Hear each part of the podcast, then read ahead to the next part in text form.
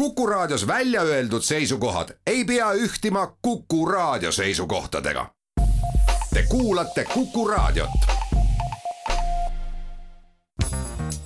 järjejutt. Anne Enright, Ununenud valss, tõlkinud Karin Suursalu Postimehe kirjastuselt. raamatu väljaandmist toetas Literature Ireland. järjejutt kohtusin temaga oma õeaias Enniscary's.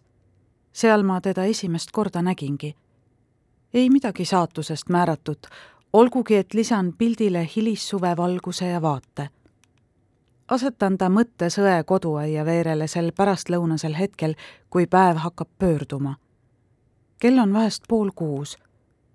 ühel suvisel pühapäeval pool kuus Wicklows näen ma Sean'i esimest korda seal ta on, taamal, kus mu õe aia tagaosa juba hägustub. kohe pöörab ta ringi, aga ta ise seda veel ei tea. ta silmitseb vaadet ja mina silmitsen teda. päike on madalal ja kaunis. ta seisab seal, kus künkanõlv hakkab laugjalt rannikule laskuma. valgus häilib tema selga ja käes on päeva see aeg, kui kõik värvid saavad iseendaks sellest on nüüd mitu aastat. maja on uus, praegu käib seal mu õe soolaleivapidu, üldse esimene pidu pärast sissekolimist. esimese asjana olid nad lammutanud puittara, et näeks merd. seepärast on maja tagakülg nagu puuduv hammas uute kodude reas, valla idatuultele ja uudishimulikele lehmadele. väike lava, mis on just selleks pärastlõunaks valmis seatud, et õnn saaks õuele tulla Neil on külas uued naabrid, vanad sõbrad ja mina.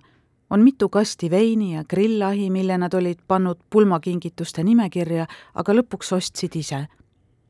see seisab siseõuel, kuppelkaanega roheline kaadervärk ja mu õemees, Shea, tal oli vist isegi põll ees, pöörab puust grillitangidega lambalihalõike ja kanakoibi ümber, üles sirutatud vaba käega õllepurke lahti prõksutades Fiona ootab alati, et ma aitaksin, sest olen tema õde.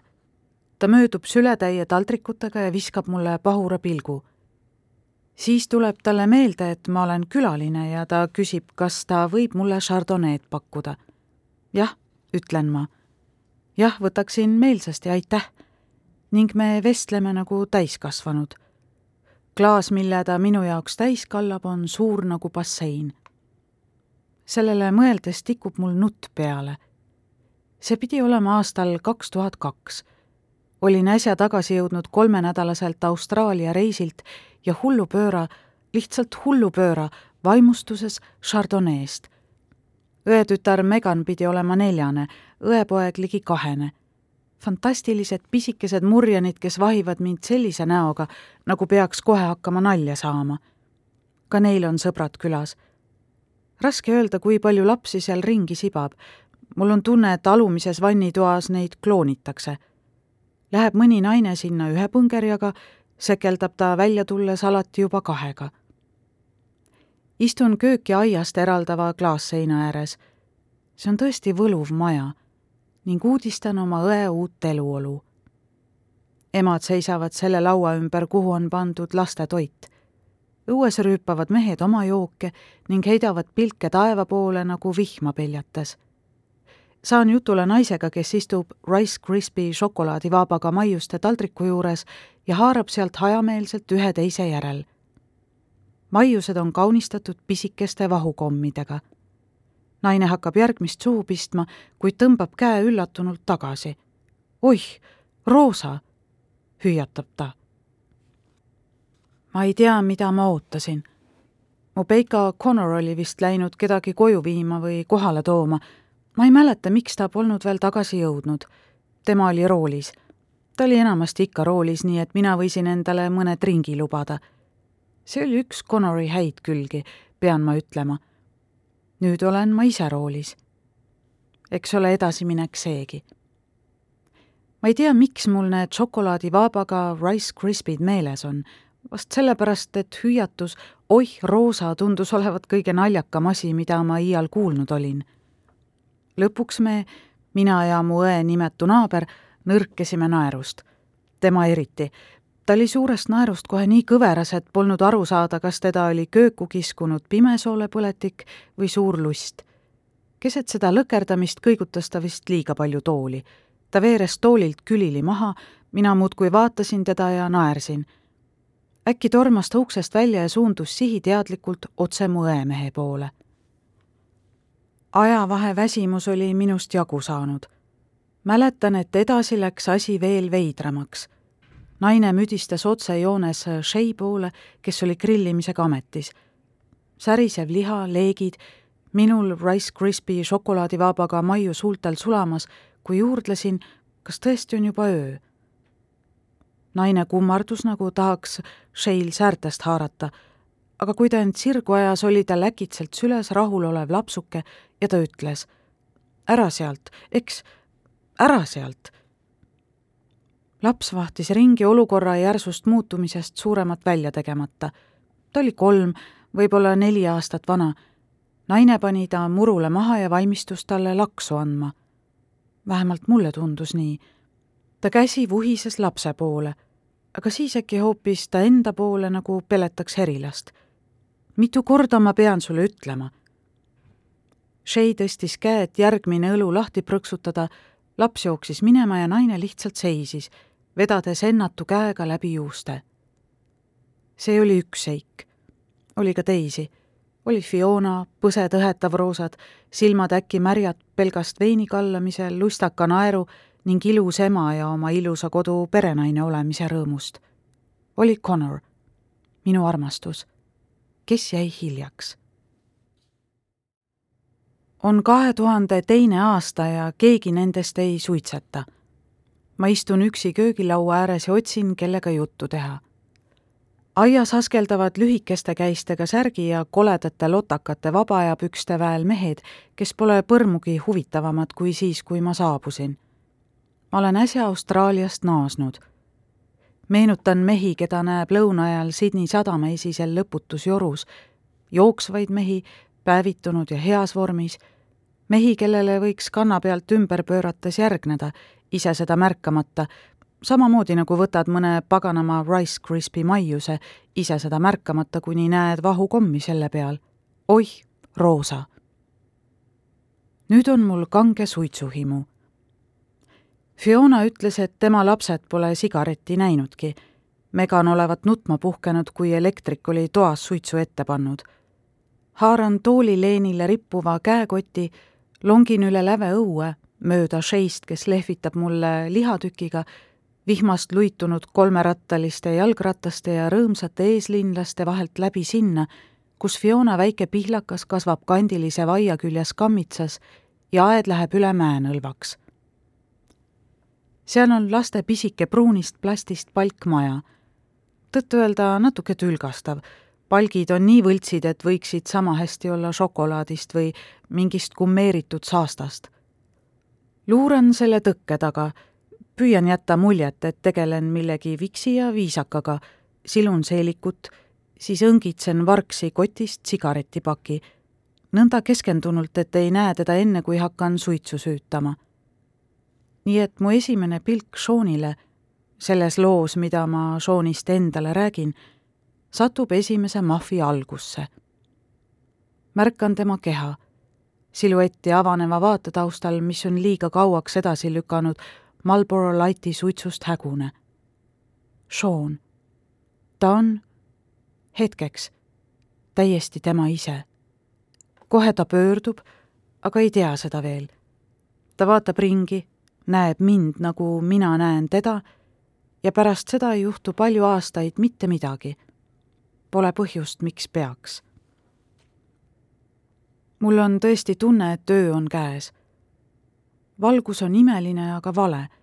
nagu peaksin terve maakera peas ümber pöörama, et pääseda sellesse aeda, sellesse pärastlõunahetkesse, selle mehe juurde, kes ongi toonane võõras, kelle kõrval ma nüüd magan üks naine tuleb ja räägib talle midagi tasakesi. ta kuulab naist üle õla, siis käänab end rohkem, et vaadata tüdrukukest, kes hoiab mõlemast eemale. taeva päral tiivi, ütleb ta ja ohkab. talle ei käi närvidele sugugi laps, vaid miski muu, palju olulisem ja kurvem. Naine läheb tagasi ning pühib Iivi ära mäkerdatud nägu pabersalveretiga, mis pudeneb kleepuval nahal tükkideks. Sean jälgib seda mõne viivu. siis vaatab ta minu poole. selliseid asju juhtub ühtelugu, püüad kinni võõra pilgu, hoiad silmsidet veidi liiga kaua, siis vaatad kõrvale olin just tulnud puhkuselt. me olime veetnud nädala Connori jõe juures Sydneys, siis rännanud põhja poole, tollesse võrratusse paika, kus õppisime akvalangiga sukelduma. kus õppisime ka, nagu ma mäletan, kuidas kainena seksida. lihtne nipp, aga hea, just nagu oleksime üleliigse kesta maha ajanud. võib-olla sellepärast ma suutsingi Seanile silma vaadata. olin just olnud maakera kukla poolel. nägin, vähemalt omast arust, üsna hea välja. ma olin armunud, tões ja vaimus armunud mehesse, kellega olime otsustanud peagi abielluda, nii et kui Sean mulle otsa vaatas, polnud mul peljata midagi. vahest siiski pidanuks olema. ja isegi, kui see oleks elu ja surma küsimus, ei suudaks ma meenutada, missugune Iivi tol päeval välja nägi. ta pidi olema nelja-aastane aga selle tüdruku järgi, keda praegu tunnen, ei oska ma teda kuidagi oma mälupildi lapsena kujutleda. Tollel pärastlõunal nägin ma teda lihtsalt kui üht kriimu näoga last. seetõttu ongi Iivi vaid udune laiguke muidu nii selgel pildil.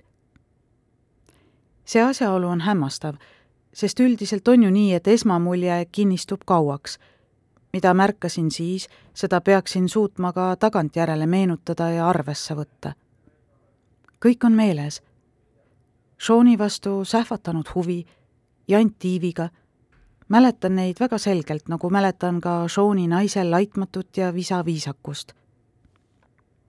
sain temast otsekohe õige pildi, nii et mitte miski, mida ta edaspidi tegi, ei üllatanud mind ega vihjanud, et olin eksinud.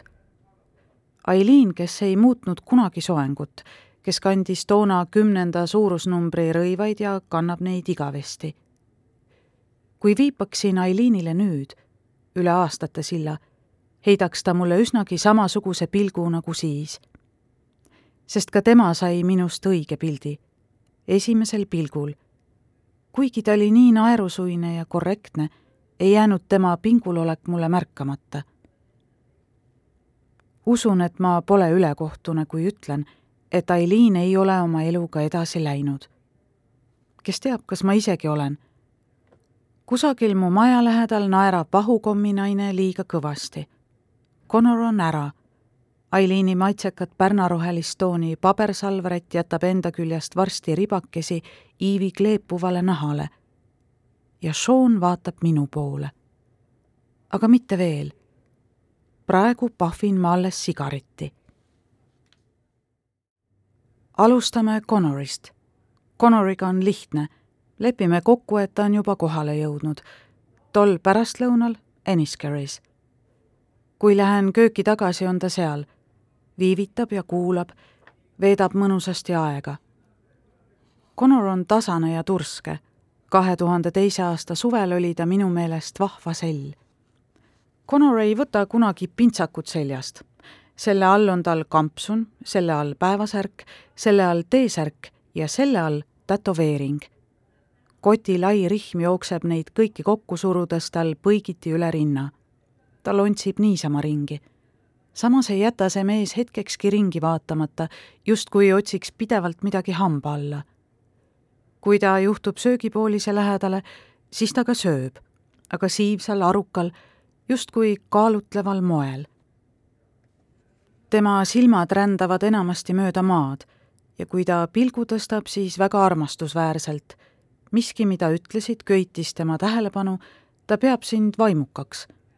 Vahel jälle võib tunduda, et Connor on kõike unustavalt mõttesse vajunud, kuid tegelikult ei unusta ta midagi ja suudab kiiresti seltskondlikkusele ümber lülituda. ma armastasin Connorit, niisiis tean, millest räägin. ta põlvneb Jõuhali poepidajate ja pubiomanike suguvõsast, seepärast on talle meeltmööda teisi jälgida ja naeratada see tema omadus meeldis mulle. mulle meeldis ta kott, see oli trendikas, ja ka tema prillid olid trendikad, paksude raamidega, natuke viiekümnendatelikud ning tal oli kombeks pea nulliga paljaks ajada, mis mind tavaliselt ärritas, aga sobis talle, sest tema nahk oli pruun ja kolp nii pirakas. Connori kael oli jäme, selg kumer, õlgadest allpool karvane. mis võiks mul selle vastu olla?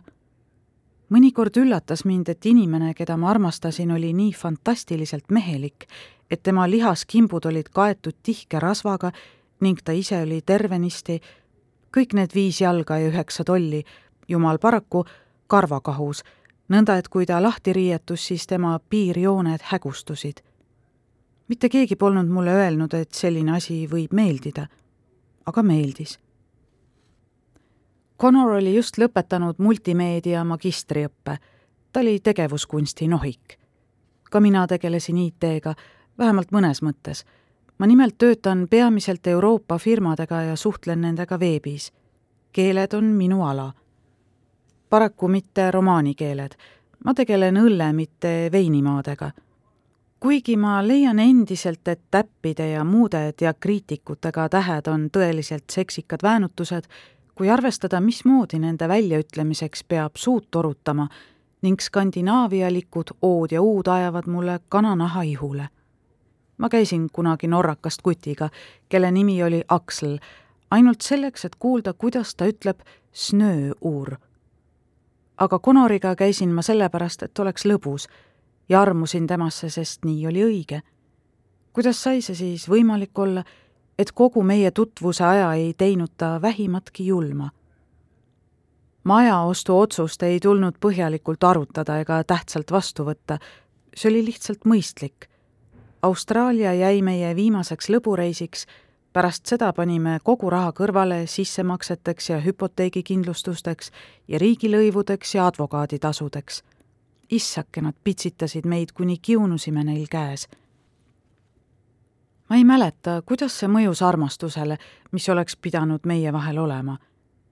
ma ei mäleta öid. meie armastus oli nagunii päevane. Connor hakkas Sea Pointis surfamas käima ning lõhnas koju tulles kartulikrõpsude ja mere järele. laupäeva pärastlõunati käisime mööda teiste inimeste kodusid. kolme magamistoaga pool paaris majast, Victoria-aegne ridaelamu, katusekorter. vaatasime teineteist eelmise sajandi kolmekümnendate kaminate kõrval ja kissitasime silmi või hiilisime mõnda omaette tuppa, kus oli kergem ette kujutada, mismoodi siis oleks, kui sein oleks maha võetud ja lõhn kadunud ning maja poleks nii tühi. tegime seda kuude kaupa. saime õige osavaks. ma võisin astuda mõnda urkasse ja otsekohe lükata tubakapruuni nahkdiivani kõige pikema seina äärde.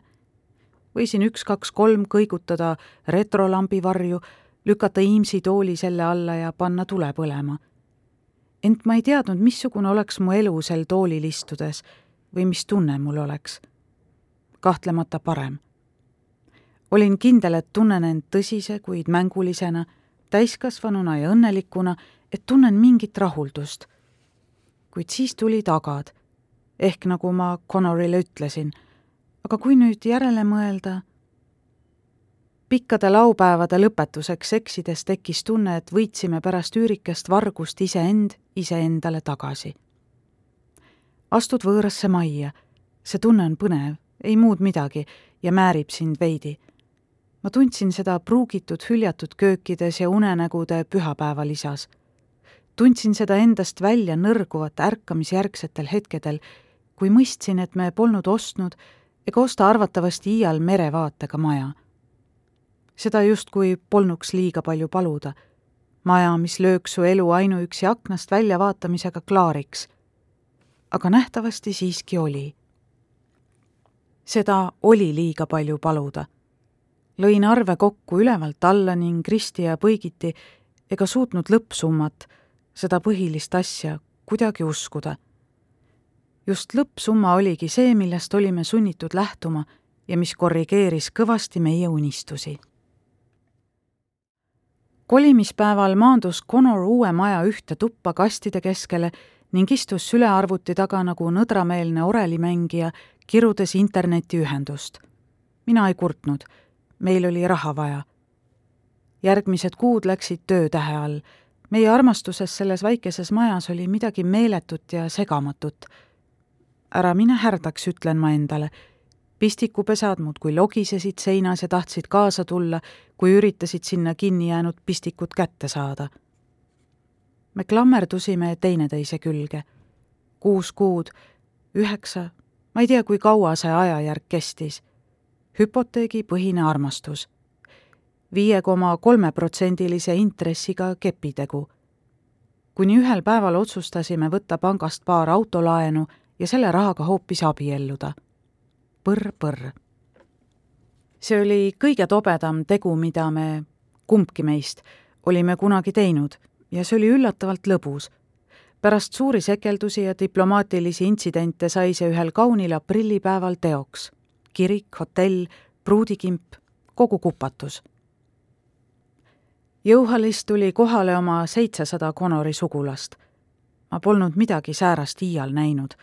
Kuidas nad kordamööda jooke välja tegid, peegli ees kübarakest kohendasid, hotelli nugekahvleid enne sööma hakkamist käes kaalusid. Nad võtsid seda päeva kui kutseliste piduliste järjekordset üritust ja tantsisid kella kolmeni. Connor ütles, et sama hästi võinuks see olla matus. ta ütles, et nad jahivad selliseid üritusi karjana ja minu ema, kes oli, nagu selgus, eluaeg selleks päevaks raha kogunud, vedas Dublini keskklassi elus karastunud truppi, mille liikmetest paljud olid vanad, aga kõik jäägitult õnnelikud. Nad lobisesid, istusid ja rüüpasid oma eriskummalisi jooke, kamparit, viskit ja punast Harvey's Bristol Creamy Sherryt. meie olime ainult ettekääne me teadsime seda, kui läksime ülakorrusele riideid vahetama ja magamistoa ukse vastas teineteise oimetuks rautasime. me olime kõrvalised, vabad. Mu ema jäi tallele fotoalbumisse. viissada eurot, kreemikas nahk köites, nüüd kopitab Klonski majas köögileti all. ta kandis lillakashalli kostüümi ja väikese kübara mõõtu soengukaunistust, ei midagi vähemat halli ja ploomilillat värvi, tükkis näoloori ja naljakate mustade sulgedega, mis kaarduvad eemale ja millega käivad kaasas iga liigutuse peale peenikeste kiirte otsas hüplevad mustad täpikesed. Ema on minu kõrval, tilluke, soeng omamoodi müsteerium. ta on lasknud juuksed kuidagiviisi kuklasse üles panna. mu ema lemmikfilm oli Põgus kohtumine. ta oskas loori all nutta ja kulutas alati juuste eest hoolitsemise peale. isegi kui tal olid näpud põhjas, oskas ta ilusalongi teenindajaid veenda, et nad teeksid ta kauniks, et see on võimalik. Ja nad tegid temaga, mida vähegi suutsid. mis puutub juuksurisse, siis ütles ema ikka, et sinna minnes on tark tegu tujud koju jätta. ta ei nõustunud mind Peiule üle andma keeldus selge sõnaga ja sokutas mulle hoopis isa venna, keda ma olin viimati näinud siis, kui olin kolmeteistkümnene. olin mõelnud, et me võiksime vähemalt päev varem onuga kokku saada, aga tema tuli hommikul otse lennujaamast. Kui kõik teised olid autodega kirikusse sõitnud, jäime meie eestuppa teineteisele otsa vaatama, sellal kui sohver õues igavles. see oli väga imeliku päeva kõige imelikum hetk ma seisin värisedes akna juures, tinahallist siidist Alberta Ferretti kleit seljas, Philip Tracy napakas taies, seda oleks võinud isegi soengukaunistuseks nimetada, oimu kohale kinnitatud ning iga kord, kui kibelesin juba minema, vaatas onu oma toekat käekella ja ütles. lase neil oodata, sina oled pruut. lõpuks mingil salapärasel kombel määratud hetkel astus ta üle elutoa vaiba, võttis mul õlgadest kinni ja küsis. tead, keda sa mulle meenutad? minu ema. sul on tema võluvad silmad. Siis pakkus ta mulle vanamoodsalt käsivart ja viis mu õueauto juurde. oli see kõige jubedam osa pikaldane minek mööda vahekäiku tolle vanatoi käevangus, kes polnud silmavaate järgi otsustades ainsatki emotsiooni välja näidanud, ehk juba tuhande üheksasaja kuuekümne viiendast aastast saadik, ma ei tea. kohalikus kirikus, mis on väga maitsekalt kirsiõitega kaunistatud, on altari kohal ääretult eriskummaline krutsifiks. tohutu suur, puust tehtud. Kristuse kuju, mis pole eriti verine, ei ripu ainult altari ees, vaid ka taga, nende jaoks, kes satuvad teisele poole altarit. see hajutas tseremoonia ajal mu tähelepanu, nii nagu oli hajutanud ka lapsepõlves. see topelt Jeesus, selg vastamisi iseendaga. seistes seal, ülsaja kahekümne euro eest alusrõivaid, kleidist rääkimata, oleksin ma tahtnud küsida, mis neil küll arus oli see on üksnes leebe kokkuvõte kõigest, mis selles kirikus läbi mu pea sähvis. häbitutest roppustest, mis nuhtlesid mind kooliaastatel ja said alguse vist isa matusel, kui olin kolmteist. täiskasvanuna seisin samas kohas, kus oli kord lebanud mu isa puusärk. Isa vaim hõljus pea ees läbi mu ristluude ja kahetsesin, et olin valinud korrigeeriva pesu asemel korseti sellal, kui preester küsis kas võtad selle mehe endale abikaasaks? ja mina vastasin, jah, jah, võtan. ja Connor naeratas.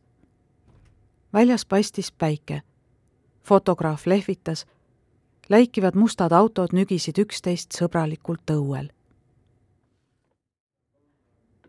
Võib-olla kulgesime uskumise ja mitteuskumise paralleelseid radu pidi kogu oma ülejäänud elu. ma ei tea sest me lendasime ka ise selle kulgemisega kaasa. mina ja Connor, me olime õnnelikult, mõistlikult abielus, abielus, abielus. selle aja peale, kui ma järgmine kord Sean'i nägin, olin ta täielikult unustanud. oli kahe tuhande viies aasta. me pidime veel ühe suve kodus istuma, et maja ostmise kulud tasa saada seepärast läksime ühel pika nädalalõpu esmaspäeval Brita Space'e Fionale külla pilved suundusid merele, nende varjud, sünged ja täpsed liikusid üle vee. see oli parem kui telekas. me istusime õues suured päikeseprillid ees ja võngutasime varbaid, mille küüned olid lakitud türkiisikarva ja tumesiniseks. fantastiline. oleksin pidanud ema kaasa võtma, talle oleks seal meeldinud, aga see polnud mul pähe tulnud. ma ei tea, miks Connor liikus keset muruplatsi, viskas lastele lendtaldrikut ja kohtles neid nagu koeri. too ära, karjus ta, too ära. Nad pole koerad, Connor, manitsesin ma, kui lapsed surusid näo rohu sisse ja püüdsid lendtaldrikut hammastega üles tõsta. istu, üürgas Connor, anna käppa. ma ei muretsenud laste, vaid nende ema pärast. Temaga vaatas jälle vaoshoitud pilguga ja ütles, hea nõks siin kehtis mingi oma käitumistava, aga ma ei saanudki õieti aru, missugune nimelt. saabus veel üks laps. tema ja Megan kekslesid natuke teineteise ees, siis jooksis ka see laps lendtaldriku kannul sinna ja tagasi, hüppas üles nagu kurjast vaimust vaevatu. ei siia, ei siia, ei anna see mulle. Ta komistas oma lilleliste plätude otsa ja hakkas karjuma, õigemini kräunuma see kostis isegi vabas õhus huvitavalt. katkes, kui ta jättis järele, et hingata või hoopis lämbuda, siis jätkus veel kiledamalt kui enne. Connor, olgu õigluse pärast öeldud, ei jooksnud tema juurde, et teda per-per perset korrutades kõdistada. see oli kogukas laps, ühe korraga pikk ja ümarik, kusjuures tema vanust oli raske hinnata. Oli raske aru saada, kas hõlmikkampsuni roosa värv kinnitas, et selle kandja oli laps. all pungitasid väikesed rinnanupsud või suurepoolsed rasvalademed. üks naine kõndis üle muru tema juurde, rääkis temaga vaikselt, pidas veidi vahet ja rääkis siis edasi. mis tegi asja ainult hullemaks, nii palju kui mina aru sain Megan ja Jack vaatasid ebalevalt, kuid mingi tabamatu vaimustusega pealt. Need kaks kohe armastasid olukordi, kus asi kiskus kriitiliseks see pani nad judisema, mis omakorda pani mind pead murdma, kui palju karjumist ja märulit nad kodus näevad. Fiona oli end toolilt pooleldi üles upitanud, kuid kõhkles. isegi lapse isa hoidus sekkumast. vanemad olid parajasti parkla poolt tulnud, kui see juhtus naine sööstis kohe maid lapse poole, mees jäi paigale ootama kisahoo vaibumist mäletan, et tundsin, et keegi peaks käituma täiskasvanulikult, osalisi üksteisele tutvustama, lepituseks jooke pakkuma. seepärast ma lehvitasin. isa kehitas õlgu, tuli minu juurde ja hetkeks näis, nagu oleks kogu ülejäänud maailm hakanud aegluubis liikuma, jättes meid kaht sellest üldisest kulgemisest välja. See oli Sean. muidugi. kenam, kui ma mäletasin. päevitunud ja pikemapoolsete käharjuustega. väliselt tõtt-öelda ninakavõitu, pisut liiga irooniline. justkui tunneks ta mind, ehkki nagu ma kibelesin talle ütlema, ei tundnud. vähemalt veel mitte niisiis olime jõudnud küsimuseni, mida sa sellega öelda tahad, veel enne, kui tema püksitagumik oli jõudnud klapptooli triibulist puuvillakangast puudutada. meenutades seda kõike, välgu kiirust, seksisärinat õhus, hämmastab mind siiani, et kulus veel peaaegu aasta, enne kui tegime julge teo, enne kui võtsime enda kaela kõik need majad, linnamaja, suvemaja, paarismaja, kõik nood pangalaenud tõmbasime alla taeva, et see kataks meid tekina. pimendus. või äkki oli ta kõigi tüdrukutega niisugune? pean ajas natuke tagasi minema ja ütlema, et meie elu oleks võinud ka teisiti minna. oleksime võinud kõike ka salaja teha. kellelgi polnud ju vaja teada saada ent päikesepaistelises autosuvilate parklas töinas Iivi ikka veel Aileen pomises midagi kindla ja ühtlase tooniga. Fiona pöördus nagu narr Sean'i poole ja küsis, kas ta tahaks mahlajääd, mis te arvate? Sean võpatas. meie lapsed, kes trumpaksid oma valikulise kuulmisega isegi nahkhiired üle, tulid jooksuga üle muru ja Iivi lonkas neile järele, virisedes loiult ja lootuserikkalt. Iivile kahjuks ei maitse mahlajää, ütles Sean või ehk siiski soovid seda, Iivi? tüdruk jäi seisma, plätud vastu rinda surutud ning ütles pärast pikka ja hirmsat vaikust. ei. Sean istus Iivis üles kogu järgnenud nääkluse, mis päädis Megani ja Jacki pagendamisega teisele poole autosuvilat, et nad limpsiksid lubatud mahlajääd omaette, teisi ärritamata. ta on üsna väikest kasvu mees, see Sean ta kiigutas Iivit, toda kogukat last, kaugelt kostva ja kujuteldava lurina ja lutsutamise saatel.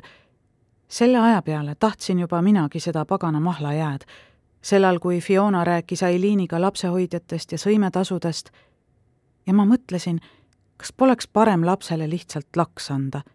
kas see poleks kiirem ja inimlikum? ma liialdan. teadagi